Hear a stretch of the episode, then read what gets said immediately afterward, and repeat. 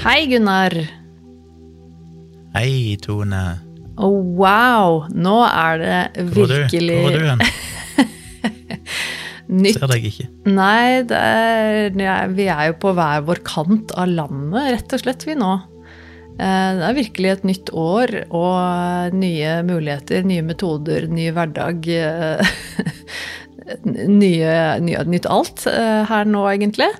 Nå er det jo sånn at jeg har eh, flyttet tilbake til Oslo.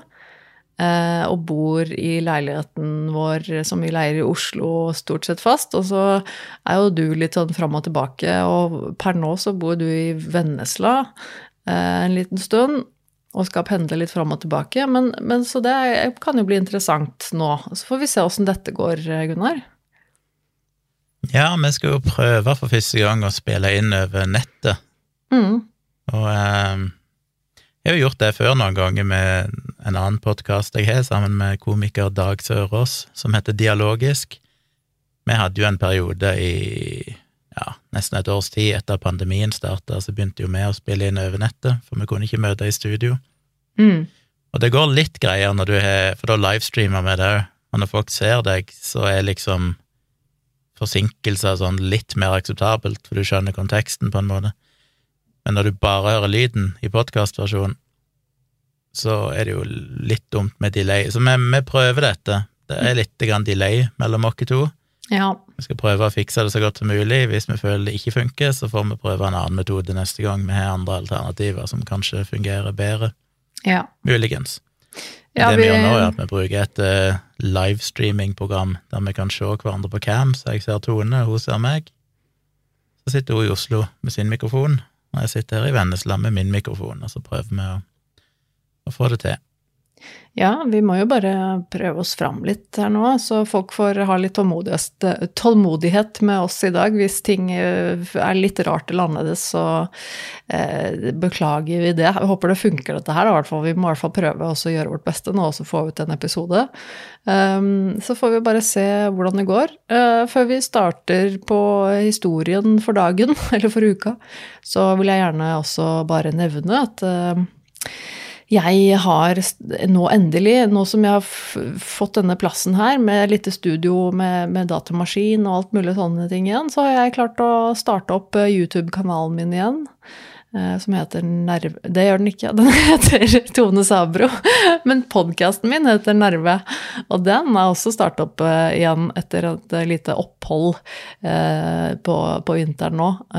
Så gjerne hvis folk vil sjekke ut min andre podkast som heter Nerve, finner du en ny episode der. Og ikke minst også på YouTube, hvis du går og sjekker ut den, så finner du noen nye videoer der også. Det setter jeg pris på at folk vil gjøre. Ja, og jeg har jo etter en lang juleferie òg kommet i gang med min podkast igjen, som heter Tomprat. Og begge podkastene finnes jo alle plasser podkaster finnes, på Spotify og i podkast-apper og sånn. Mm. Og så prøver jeg òg å livestreame litt, enten tirsdag kveld eller fredag kveld, jeg må se det litt an når det passer, men uh, det skjer jo inne på min YouTube-kanal, som heter Tvilsomt med Tjomli. Mm. Og så går det jo som regel stream ut på Facebook og til og med Twitter, men det er best å se det på YouTube. Så hvis du går inn og abonnerer på Tvilsomt med Tjomli, og skrur på varslinga, det er en sånn eh, bjelleknapp på sida av abonner-ikonet, eller abonner-knappen, skru på alle varslinger. Ikke så mye jeg legger ut, du blir ikke akkurat bombardert, men kanskje en gang i uka så får du en eh, notification eller mail om at jeg går live, så kan du jo se på. Og av og til så er jo Tone med. Vi gjorde jo det nå på Mm. fredag, var det vel?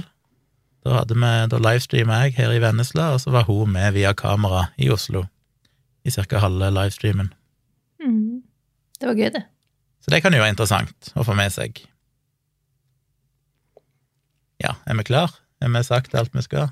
Vi har jo eh, en mailadresse som sa du nå? alle sikkert har glemt. Hva sa du nå? Nå hakka du litt her på min side. Jeg sier, sier at vi har en mailadresse Å ja, det som sikkert det sikkert alle har glemt etter, etter en lang eh, juleferie. Men den heter virkelig grusomt at gmail.com, og der går det an å sende inn tips og ris og ros. Helst ros. Vi har jo ei Facebook-side som òg heter Virkelig grusomt podkast, og der kan dere gjerne følge dere. Det hender jo når vi kjører livestream sammen, at vi livestreamer på Facebook-sida, så da får dere jo det opp der hvis dere følger Virkelig grusomt eh, podkast på Facebook, pluss at vi legger ut alle episodene der med litt tekst og bilder og sånne ting, og så kan dere kommentere. Og det er alltid gøy å se hva dere gir på grusomhetsskalaen, eller om dere er enige eller uenige, eller har noe tilleggsinformasjon, som folk ofte har, som er veldig gøy. Jeg vet i hvert fall at uh, det er en del folk som har savnet oss i jula. Jeg vet ikke hvordan det er med deg, men jeg har i hvert fall fått noen meldinger fra folk som lurer på hvor i all verden det blir av uh, Virkelig grusomt, og når skal Virkelig grusomt begynne igjen? Og Så det er, det er, tydelig nei, det er ingen, at uh, Å nei, ingen. Ingen som savner meg. Nei, ok. Nei, men det er noen som har savnet meg, da. Så, men, men, det er i hvert fall noen som savner podkasten vår der ute. Så det er, jo, det er jo Vi har noen fans. Det er veldig hyggelig. Så nå er vi tilbake igjen, forhåpentligvis, folkens, hvis dette her funker. Ja, og dagens eh, Hva ble det av den? Jeg har allerede lukka vekk den eh, mailen nå, for jeg tenkte at den har jo gjort meg ferdig med. Skal vi se. Var det et lyttertips du hadde tatt for deg i dag? Ja, det var det, men nå finner jeg ikke igjen eh, nå finner jeg ikke igjen hvem du er. Men uansett hvem du er, takk for tips. Gjorde det enkelt. Det er fortsatt eh, travle dager her med jobb og sånn, så jeg har ikke all verdens tid akkurat i disse dager, og det har vært eh, nyttår og mye som har skjedd, men, eh, men jeg gikk rett og slett for et av de nyeste tipsene vi har fått. Mm. Som jo var en, eh, en ganske interessant historie. Litt mer i den klassiske, tradisjonelle true crime-sjangeren igjen. Dere som har hørt på oss lenge, så vet dere at vi gjør mye forskjellig, og hvis det er noen nye lyttere her, så, så må vi jo si at vi har jo både klassiske true crime-saker, men òg mye annet. Alt ifra naturkatastrofer til flykapringer og flykatastrofer og branner og mm. alt mulig rart, så det er ikke sånn at dette er bare true crime, men akkurat i dag så blir det en true crime-historie. Jeg må jo Og også si at at jo- jeg ja, sorry. Nei?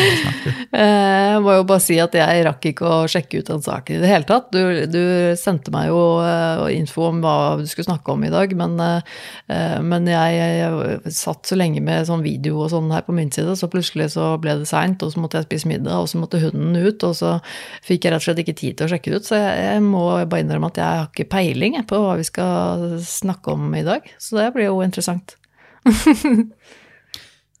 Ja, det er nok en ganske relativt kort historie, som vi får se.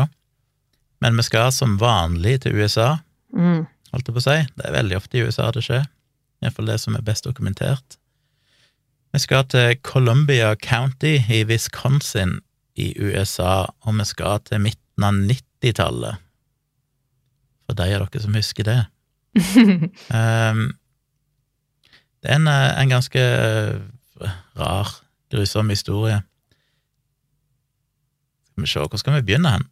Vi får begynne med stakkars eh, Chris Steiner, en 14 år gammel gutt, som en morgen plutselig var forsvunnet ifra huset. Foreldrene fant han ikke på morgenen, han hadde jo lagt seg i senga på kvelden. De sa de hadde sjekka klokka ti på kvelden at han lå og sov, eller iallfall var på rommet, men neste morgen så var han vekke. Men de fant jo, da politiet kom, eh, for de ble jo kontakta med en gang, så fant de at Dette er jo vanlig i USA, vi har jo ikke det i Norge som regel, men i USA er det jo veldig vanlig å ha sånne window screens, med det sånn myggnetting Mm. eller et eller annet sånn insektgitter foran eh, vinduene, og en av de på et soverom hadde blitt skåret hull i. Altså bare Mm. skåret i, i to, sånn at de gikk an å komme seg gjennom. Og så fant de òg fotspor inne i huset på tepper og, og sånn. Eh, ja, ja, ganske gjørmete fotspor. Mm. Så fant de òg at en av dørene ut, jeg tror det var en sånn dør ut av hagen eller noe sånt, den var plutselig ulåst, så noen må ha låst den opp på innsida. Så det var jo ganske åpenbart at noe hadde skjedd. Noen hadde jo da tydeligvis, mest sannsynlig, skåret seg inn ja, og kom seg inn gjennom vinduet. Kidnappa 14 år gamle Chris Steiner og tatt han med seg ut gjennom denne døra, og etter det så var det ingen som visste hvor han var blitt av. Så de prøvde jo så godt de kunne å finne denne gutten. Først så var det jo som vanlig at politiet tenkte at, eller sa at ja, han er sikkert bare sprunget ut på natta, stukket av for å treffe noen venner, eller et eller annet sånt, men foreldrene mente at det var lite sannsynlig at han skulle ha stukket av for egen uh, vilje, fordi at han skulle begynne på en ny jobb og et eller annet som han gleda seg til, og det var liksom var veldig ulikt han, da. Mm. Men dessverre, holdt jeg på å si, eller heldigvis, men mest dessverre, så fant de Chris Steiner seks dager seinere liggende i ei elv, død, der kroppen var Han lå vel sånn halvveis henslengt over en trestam eller et eller annet sånt som lå ute i, i elva, Mm. eller langs eh, elvebredden. Da de eh, tok inn eh, liket av Chris Steiner og utførte en obduksjon, så fant de ingen spesielle skader på kroppen. Det var ikke noe stikkskader, skuddskader, fant ikke noe tegn på kvelning eller vold. Eh, Men allikevel så var jo politiet ganske overbevist at et eller annet må ha skjedd her. Men de visste Men, ikke, ikke de hva som var dødsårsaken, liksom? Nei, altså det, den offisielle dødsårsaken ble da satt til drukning, Mm. for det var det eneste de visste. Ja. Men uh, å si, den, den tekniske årsaken til at han døde, si, den ble satt til uh, uavklart, eller undetermined. Mm. Og dette var jo veldig mystisk og skummelt for en ganske sånn liten småby eh, der dette skjedde, som heter Baraboo. Og de fleste håpte jo at hvis dette var noen som har gjort det med vilje, hvis dette var et drap, så håper de jo selvfølgelig at det var noe som bare skjer én gang, at det var en spesifikt tilfelle. Men det er skummelt når du finner en ung gutt død, og folk tenker selvfølgelig da er det en morder der ute, er vi trygge? Og dessverre så var det jo egentlig ikke det.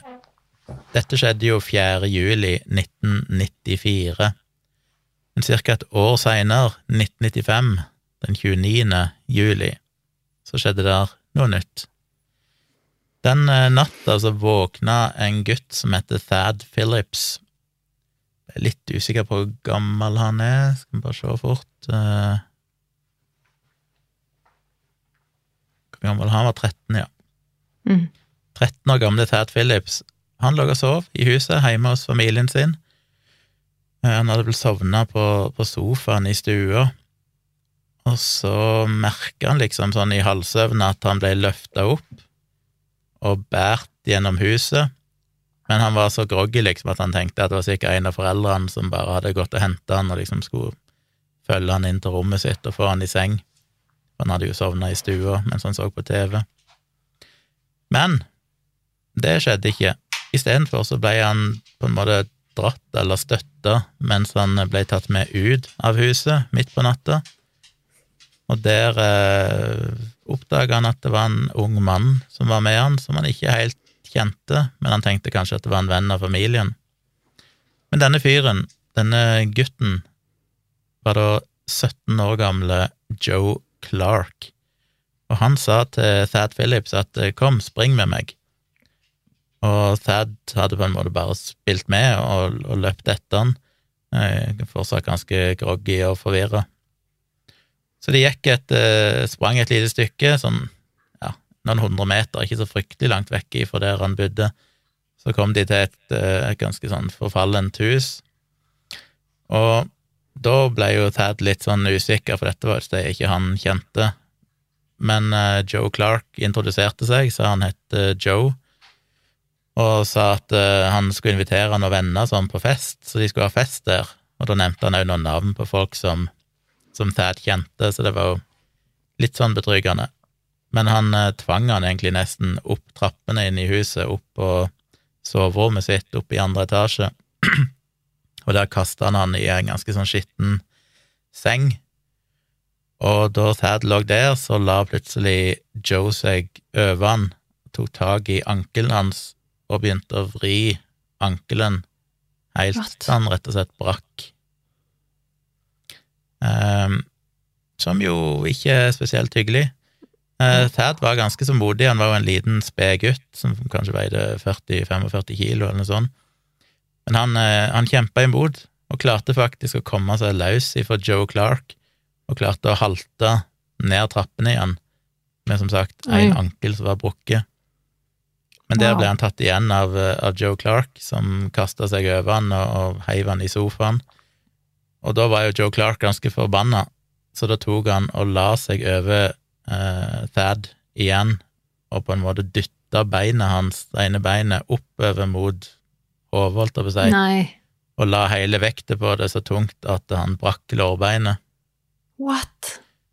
Så ikke en hyggelig opplevelse. I en annen eh, variant av historien så sto det jo at han brakk den andre ankelen, så jeg er litt usikker på om han brakk bare én eller begge, men eh, Men han fikk noen Jesus. brein bukke. Men eh, det må jo være jævlig sterk. Jeg tenker, altså, what? Ja. Ja, åh. Ja, jeg vet ikke, jeg har aldri prøvd, men han var jo Jeg vet ikke hvor stor han Joe Clark var, 17 år gammel, men han Thad var jo tydeligvis ganske Han var bare 13 og ikke så veldig kraftig bygd, tror jeg.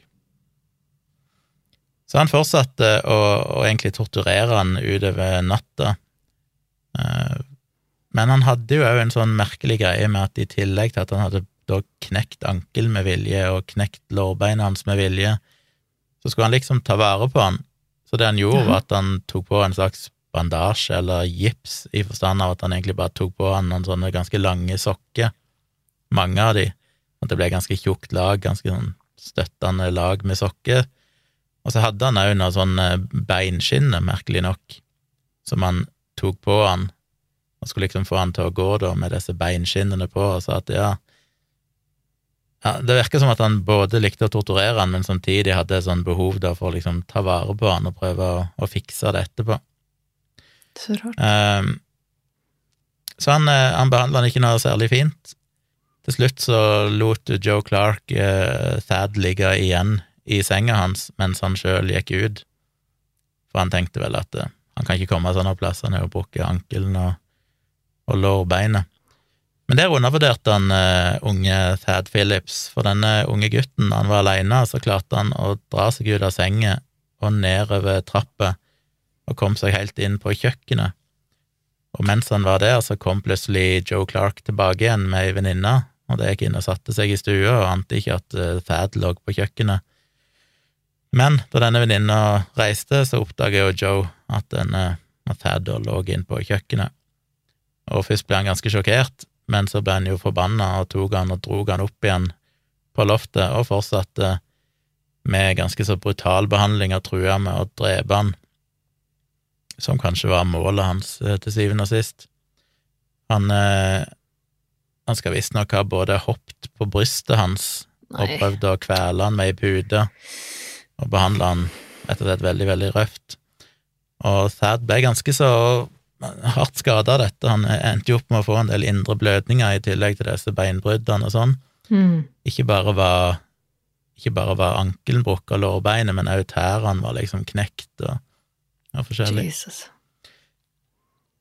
På kvelden eh, dagen etterpå, 30. juli, så forlot eh, Joe Clark igjen huset, men denne gangen ville han ikke ta noen sjanser med Thad, han ville ikke la han ligge igjen i senga. Så han tok rett og slett og dro han inn på et, eh, et eller annet sånn garderobe eller skap, og låste han inne der før han gikk ut sjøl. Og der inne satt Thad Phillips i mørket, men han skjønte jo at hvis han skulle kunne komme seg vekk fra dette, så måtte han gjøre noe, og det sto jo om tid, for han var jo ikke i noe god form på det tidspunktet der. Han var ganske så alvorlig hardt skada. Men han, han brukte hendene sine til å bare kjenne rundt i denne garderoben eller denne kottet, og der kjente han plutselig at det var en, en ganske sånn stor, tung tregitar. Så han eh, tok den og begynte å slå imot døra. Klarte å faktisk slå hull på døra. Mm. Og selv om han da ikke hadde fått mat, dette var jo, nå var det jo gått nesten to døgn, han hadde ikke fått vann eller mat, og var jo som sagt veldig hardt skada, så klarte han å dra seg ned trappene igjen. I noen, noen beskrivelser så sto det at han mer eller mindre kasta seg ned trappa, oh. eh, og besvimte gjentatte ganger, fordi han Mm. var, hadde så mye smerter og var så utmatta. Men han klarte til slutt å kravle seg inn på kjøkkenet, Og han kunne ikke reise seg opp, han lå jo bare på gulvet. Men du vet, i sånn typiske amerikanske filmer så hadde de gjerne sånn telefon på kjøkkenet med en veldig lang ledning, så de kunne bruke den. den, ja. Mm, bevege seg rundt. Så den eh, ledningen hang liksom ned på gulvet. Han klarte å riste i den ledningen helt til telefonen datt ned, og fikk ringt 911. Og ja, i én versjon så sto det at han fortalte hvor han var hen, i en annen så sa de at han visste ikke hvor han var hen, men de klarte å spore samtalen. Mm, Så det tok bare en halvtime eller sånn før politiet kom og fant han, og fikk redda han. Og da hadde han vært holdt fanga i 43 timer, hadde som sagt grusomme beinbrudd på begge beina, som gjorde at eh, da han ble kjørt til sykehuset og, skulle behandles, så endte det opp med at han måtte jo ha flere kirurgiske inngrep mm, eh, over flere år for å klare å fikse det, og han endte opp med en eh, permanent halting ja. som han ikke har blitt kvitt. De visste jo hvem det var som hadde gjort dette, så politiet begynte jo fort å, prøve å finne han, og oppsøkte forskjellige venner og fester og sånn for å se om de klarte å finne han. Det gjorde de ikke, men de begynte jo å spane huset hans selvfølgelig, og bare fire timer seinere, da han kom hjem, så ble han arrestert. Og da de intervjua Thad Phillips, så sa Thad at Clark hadde fortalt han, mens han hadde han i fangenskap, at han òg hadde utført noen grusomme ting mot to andre gutter. Den ene Mhm. gutten het Chris, og den andre kunne han ikke huske navnet på. Og da politiet ransaka huset til, til Joe Clark, så fant de blant annet ei liste i ei skolebok eller skriveblokk eller et eller annet sånt, der han hadde, hadde laga liste over, jeg tror det var 18 andre skolekamerater eller venner i området, som var kategorisert i tre forskjellige kolonner. Og der eh, Jeg må bare finne hva det heter for noe. Der var det tre kolonner. Den ene var merka med Can Wait. Den andre var Get To Now. Og den tredje var The Leg Thing. What? Uh, en annen plass her står det 29 navn, så det varierer alltid litt fra historie til historie. Men noen altså var, var under kategorien kan vente, noen andre var under få tak i de nå, og den tredje kategorien var dette, disse beintingene, Ja. beingreiene. What? Så han hadde tydeligvis en fetisj for det, og det kom jo fram etter hvert at det som var greia hans, var at han rett og slett uh, likte lyden av å høre bein knekke. Mm. Nei, nei, nei. Og han likte nok òg samtidig å òg liksom ta litt vare på dem, så det var derfor han hadde den greia med at han knakk beina, for han, han nøyd lyden av å høre bein knekke. Samtidig som han likte liksom å, å i gåsehud bandasjere dem med sokker og sette på beinstøtte eller bein... Hva heter det? Ja, sånn s- øh, spjelke... Skinne. Ja. ja. Spjelkegreier. Så ja. Så Phillips eh, fikk jo Thad fikk jo sagt at eh, her var det muligens flere offer. Mm. Og først så ble jo eh, Clark sikta for eh, Jeg vet ikke hva det heter på norsk, men det som heter Attempted First Degree Intentional Homicide, altså et eller annet forsøk på drap med overlegg. ja. Og òg selvfølgelig ha, ha utført grov vold mot et barn. Eh, Mm. ja, påført et barn psykologisk skade. Mm. Og det å ha lokka et barn med seg, en slags grooming eller kidnapping eller et eller annet sånt. ja. Han sa jo sjøl at han, eh, han erklærte seg ikke skyldig, og brukte selvfølgelig eh, eh, ja, sin sinnstilstand, sin psykiske helse, som årsak for det. Mm. Eh, Forsvaret hans argumenterte jo med at hans biologiske mor hadde vært en veldig eh, ja, en rusmisbruker gjennom hele graviditeten med han, og at han òg hadde fått en hjerneskade, eller iallfall en hodeskade, i en sykkelulykke året før, men han var adoptert, så han bodde ikke med den biologiske mor nå lenger, da. Ok. Men det huset var jo etter beskrivelsen veldig forfalt og skittent og sånn, så det var jo tydeligvis en gutt som ikke hadde hadde det så veldig greit. Men han endte opp med å bli funnet skyldig, naturlig nok, Mm. og fikk da 100 år i fengsel. Men så okay. begynte jo folk å stille seg spørsmålet med disse andre guttene, Ja, det var det jeg lurte på nå. der en av de heter Chris. Og da kom de jo tilbake til at eh, denne 14 år gamle Chris Steiner, som ble funnet i elva året før, Ah, De aldri ja. fant noen årsak til Kan det være en sammenheng der? Men Mm. eh, obdusenten hadde jo ikke funnet noen form for vold på kroppen hans, Nei. men de fant rett og slett ut at de måtte eh, grave han opp igjen. Mm. Så eh, hva heter det på norsk? Exhume. Det å ta opp liket ifra kista. Ja. Eh, og tok han inn og gjennomførte eh, røntgenbilder av kroppen, og da fant de jo at eh, iallfall én av anklene hans òg var knokke, oh, ja. omtrent samme måten som Thad sin ankel var knokke. Oi. Det var jo en, eh, en som satt i fengsel med han, eller han satt i varetekt eller et eller annet som sa at han Joe hadde sagt at han hadde drept en gutt og latt han henge over en trestamme eller et eller annet sånt, som jo matcher det det som skjedde Mm. med Chris, at de fant han liksom liggende henslengt over en trestamme på elvebredden. Så det er ikke sikkert han ble drept direkte, det er det ikke noe tegn på. Mer sannsynlig så fikk han knukke begge anklene sine, og så kasta i elva.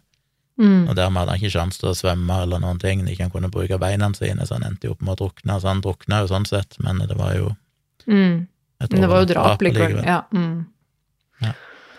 Så han fikk vel eh, Han fikk vel 50 eller 60 år fengsel for det òg, uten sjanse for eh, prøveløslatelse. Mm.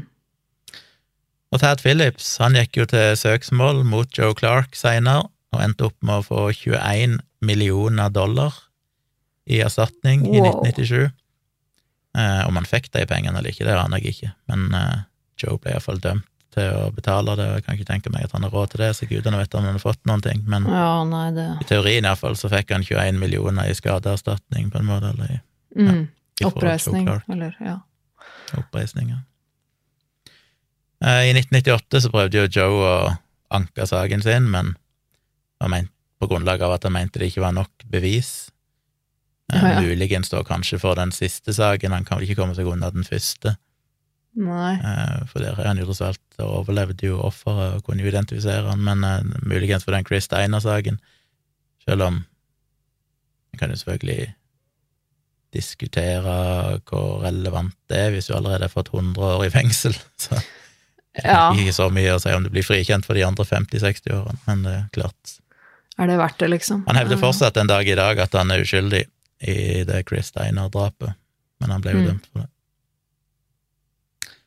Så det var en kort og grei liten historie. Altså, det syns jeg var merkelige greier. Altså sånn eh, Han Han liker å høre lyden av bein som brekker. Eh, eh, Jeg tror ikke jeg har hørt noe om det før. Altså sånn Det er vel sikkert ikke så vanlig, i hvert fall. Jeg Jeg har hørt om det før, jeg husker ikke hvor jeg har hørt om det, men jeg har hørt om andre saker òg der det er folk som nyter lyden av bein som brekker. Det gir en slags tilfredsstillelse. Hmm. Ja, jeg syns jo Altså, det i seg selv er jo eh, ganske ufarlig. Altså sånn Med mindre man velger å gå og brekke noen bein for å oppleve den lyden. Eh, Så, så er det jo rimelig ufarlig. Men jeg tenker at det må være noe Det må, det må være ganske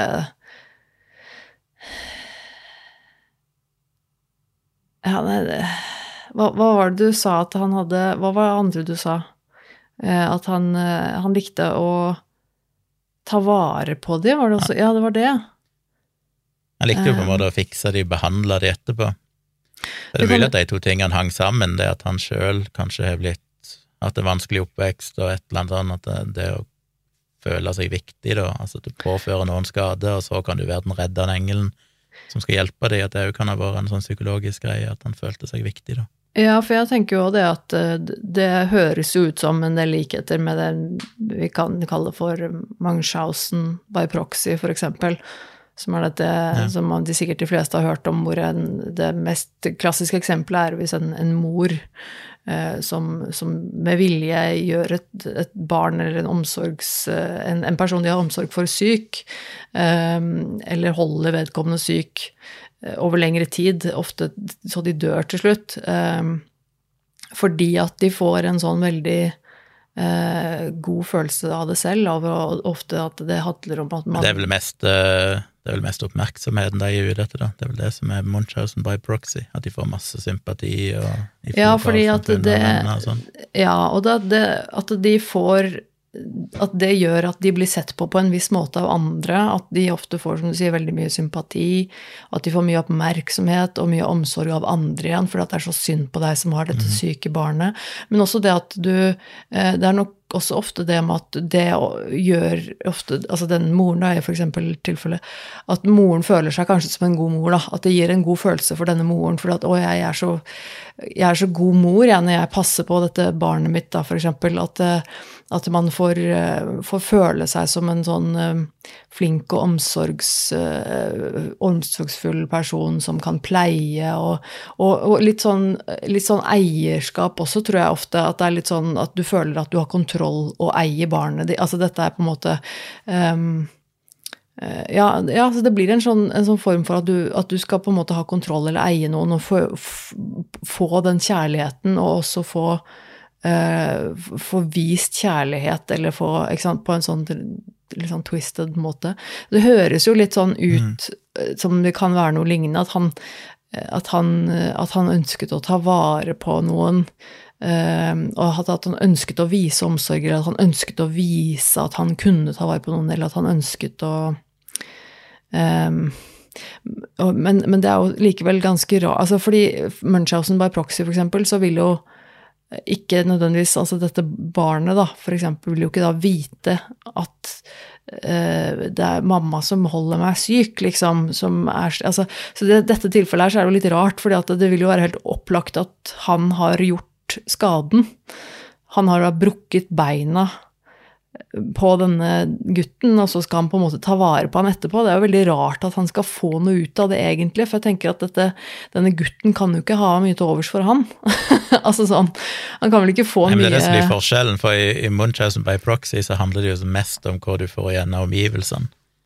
Så det blir jo ikke likt her, i den forstand at det er jo ingen som skal vite om dette. Dette er jo hemmelig, og off offeret vet jo at det er du som er gjerningspersonen, så det må i så fall bare være en, en veldig sånn personlig følelse.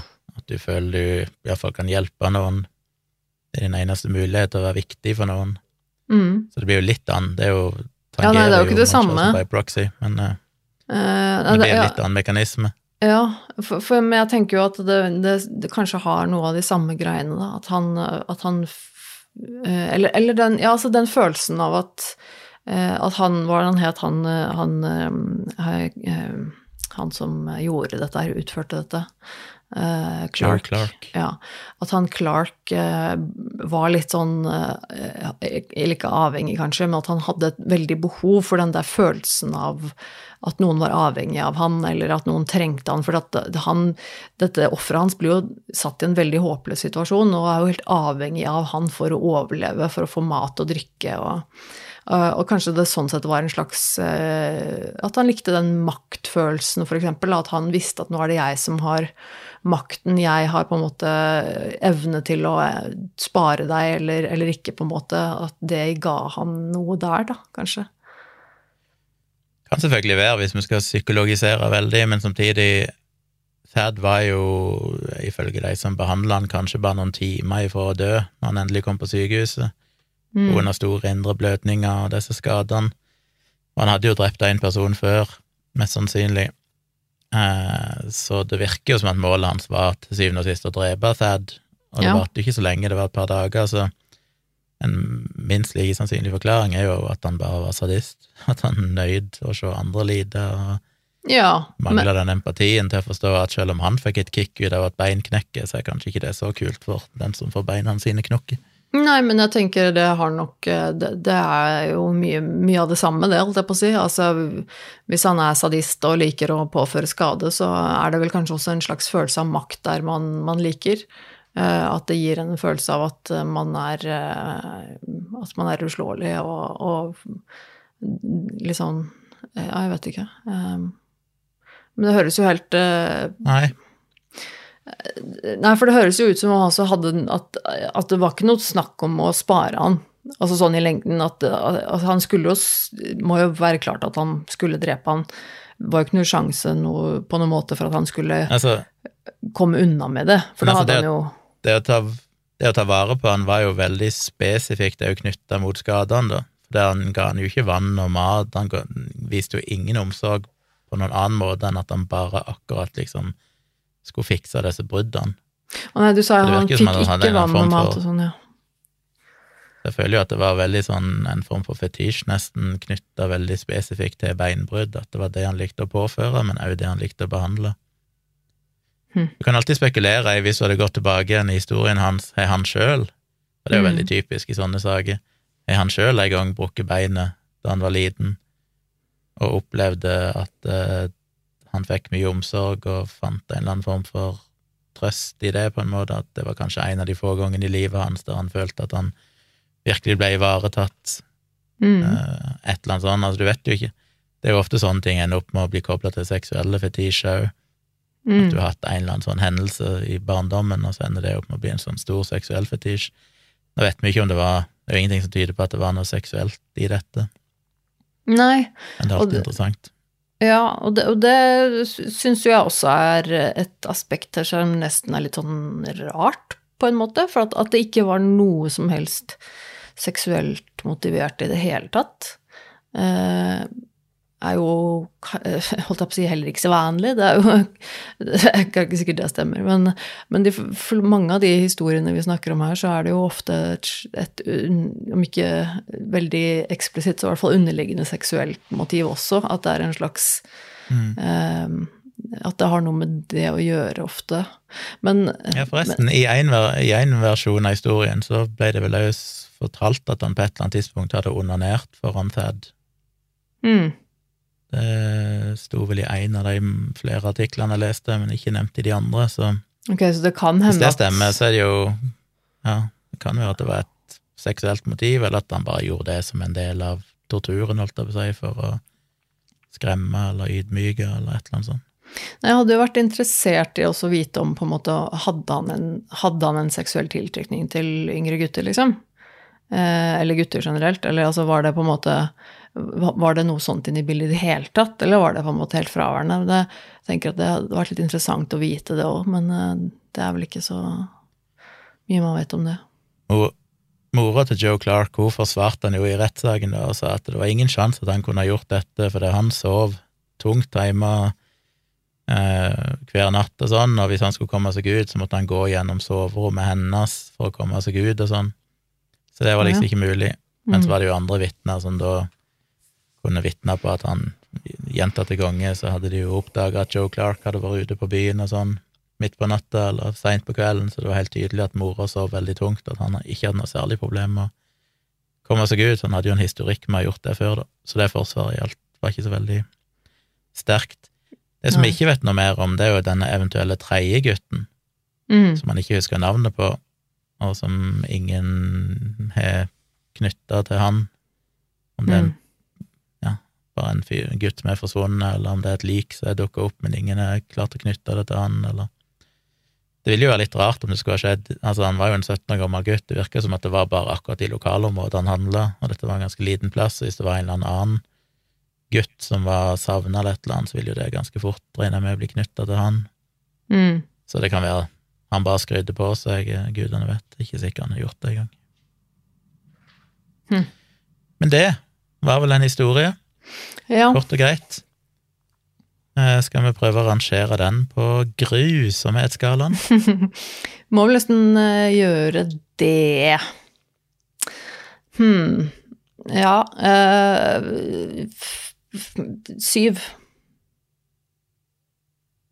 Ja. Eh, b- b- Jeg- jeg tok en kjapp kalkulering i hodet nå, bare sånn basert på antall ofre og antall dager han ble torturert, og måter han ble torturert på, og hvordan det endte. Så eh, var det, det var kanskje Ja, det var ja, kanskje syv. Seks eller syv, kanskje. Noe sånt. Jeg tror jeg ville gått ned til seks for min egen del. Ja. Jeg skulle ønske en eller annen matematisk geni som lytta på, kunne utvikle en sånn algoritme, en sånn Excel-regneark der du plotter inn antall ofre, antall dager dette pågikk, grad av eh, skader Mm. på en skala fra én til ti, bla, bla, og så kommer det ut et tall i andre enden som sier ok, dette var Men nei, det blir veldig subjektivt, og det er nettopp derfor vi ønsker dere velkommen til å si hva dere mener, så bruk eh, kommentarfeltet inne på Facebook-sida vår Mm. når vi poster denne episoden, som regel i løpet av mandagen. Og så skriv der akkurat hva du føler, hvor vil du ha gitt denne på grusomhetsskalaen? Og så eh, tror jeg at eh, til neste gang så må vi finne et annet program eller en litt annen metode å gjøre det på. For den, det var ikke opti optimalt for min del, dette. Eh, Du, lyden din kutter en del, så det var litt underveis så var det noen små ting som gikk meg litt forbi. Men, eh, men jeg tror jeg fikk med meg det meste. Men eh, det helt optimalt var det nok ikke. Så vi får eksperimentere litt videre med, med lyd og opptak her, tror jeg, Gunnar. Neste episode, apropos det, så reiser jeg inn til Oslo eh, til helga, og eh, vi har jo egentlig ikke Vi kan vel rigge opp, men vi har egentlig ikke to mikrofoner i leiligheten, så vi kunne jo egentlig ha gjort den i studio heller, men da får vi ikke studiotid før tidligst mandag, siden de ikke er åpent i helgene der. Mm. Så det kan være neste episode blir en eh, dag forsinka, Ja. men da forhåpentligvis med studiokvalitet. ja. Det kan vi prøve å få til. Men bare så dere er forberedt på det. Men da blir det ikke over nettet, iallfall. Regner jeg Mm. med. Så får vi finne en løsning til episoden etter det igjen. Ja, vi får eh, eksperimentere litt, rett og slett. Eh, Men eh, da fikk vi i hvert fall ut Mm. en, eh, en episode denne uka. Vi er jo i gang nå, i hvert fall etter nyttår, og vi skal nok klare å få til, få til en god løsning på dette opptaksgreiene våre etter hvert. Og så må vi jo bare minne folk på igjen å sjekke ut de andre podkastene våre. Siden folk allerede hører på podkast, så regner jeg med at det kan være interessant å høre på Tomprat eh, med Gunnar Kjomli eller Nerve med Tone Sabro. Eh, Og vi setter veldig stor pris på at folk går inn og støtter de podkastene der òg, for de er jo enda mindre enn denne og får veldig lite oppmerksomhet ellers. Så det hadde vært hyggelig med litt ekstra lyttere. Og der fant jeg òg mailen til det hun som tipsa meg. Det var altså Ellen Marie. Oh, ja. Og denne saken, for å gi den mer offisielle tittelen, så blir han gjerne kalt for The Bonebreaker Killer. Eller Aha. bare Bonebreaker. Mm. Så den har jo selvfølgelig fått et navn i media, den òg. Men takk, Ellen Marie, for et godt tips. Og så ser jeg vi har fått noen tips her om eh, togulykker og, og mye annet, så vi må se litt på det neste gang. Jeg fikk jo en mail i dag eller noe sånt som fått mange mailer med folk som vil ha mer flyulykker. Ja, jeg har sett Det det. liker jeg ja. Det er veldig gøy. det blir nok mer fly. Ja, jeg syns det er hyggelig at folk liker de episodene. Jeg føler at det er blitt en litt sånn eh, holdt jeg på å si spesialitet eh, for oss å ta, ta for oss litt sånn fly, eh, flyhavari og flykatastrofehistorier. jeg syns det, eh, det er litt gøy. Det er gøy at folk liker det, altså. Jeg syns det.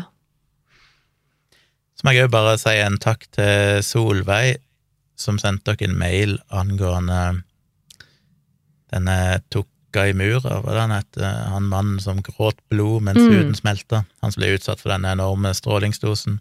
Mm. Hun er kjernefysiker, og skrev en lang mail om uh, kjernefysikk. Uh, for min egen del uh, det var litt interessant hun skrev at eh, hun hadde utsatt den episoden, for hun var, var ikke helt sikker på om hun orka å høre den, for hun var så lei av all skeptisismen om kjernekraft og stråling og sånn. Mm.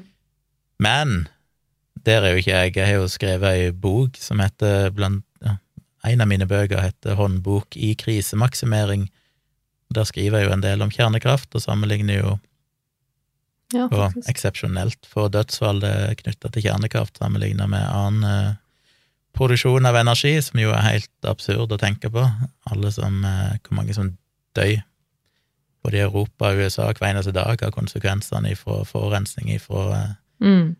Eh, fossile brennstoffer, i tillegg til alle ulykkene i gruver, og til og med vannkraft. Det er jo totalt sett flere døds, eh, høyere dødstall enn kjernekraft og sånn.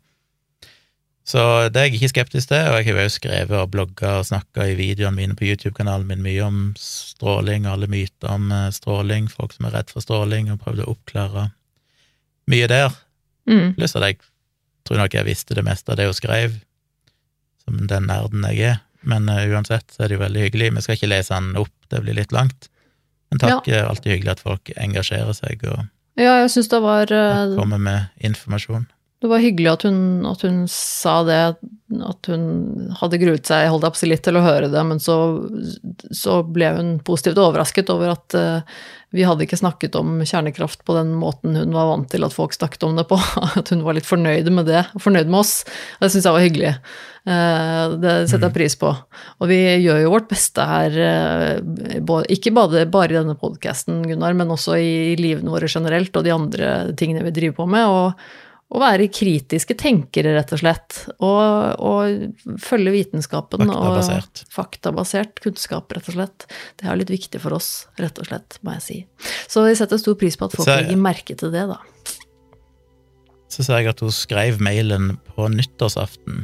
Klokka halv ti ble den sendt. Mm. Så kanskje hun var like introverte som oss på nyttårsaften.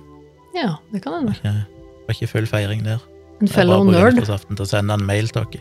Mm. Anyway, takk for uh, mailen.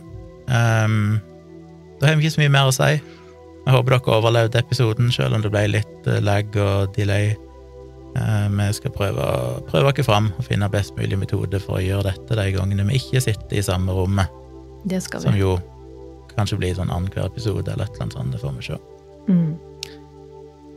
Da får vi bare takke for oss, mm. og så er vi tilbake igjen neste uke. Det er vi. Ha det. Ha, ha det.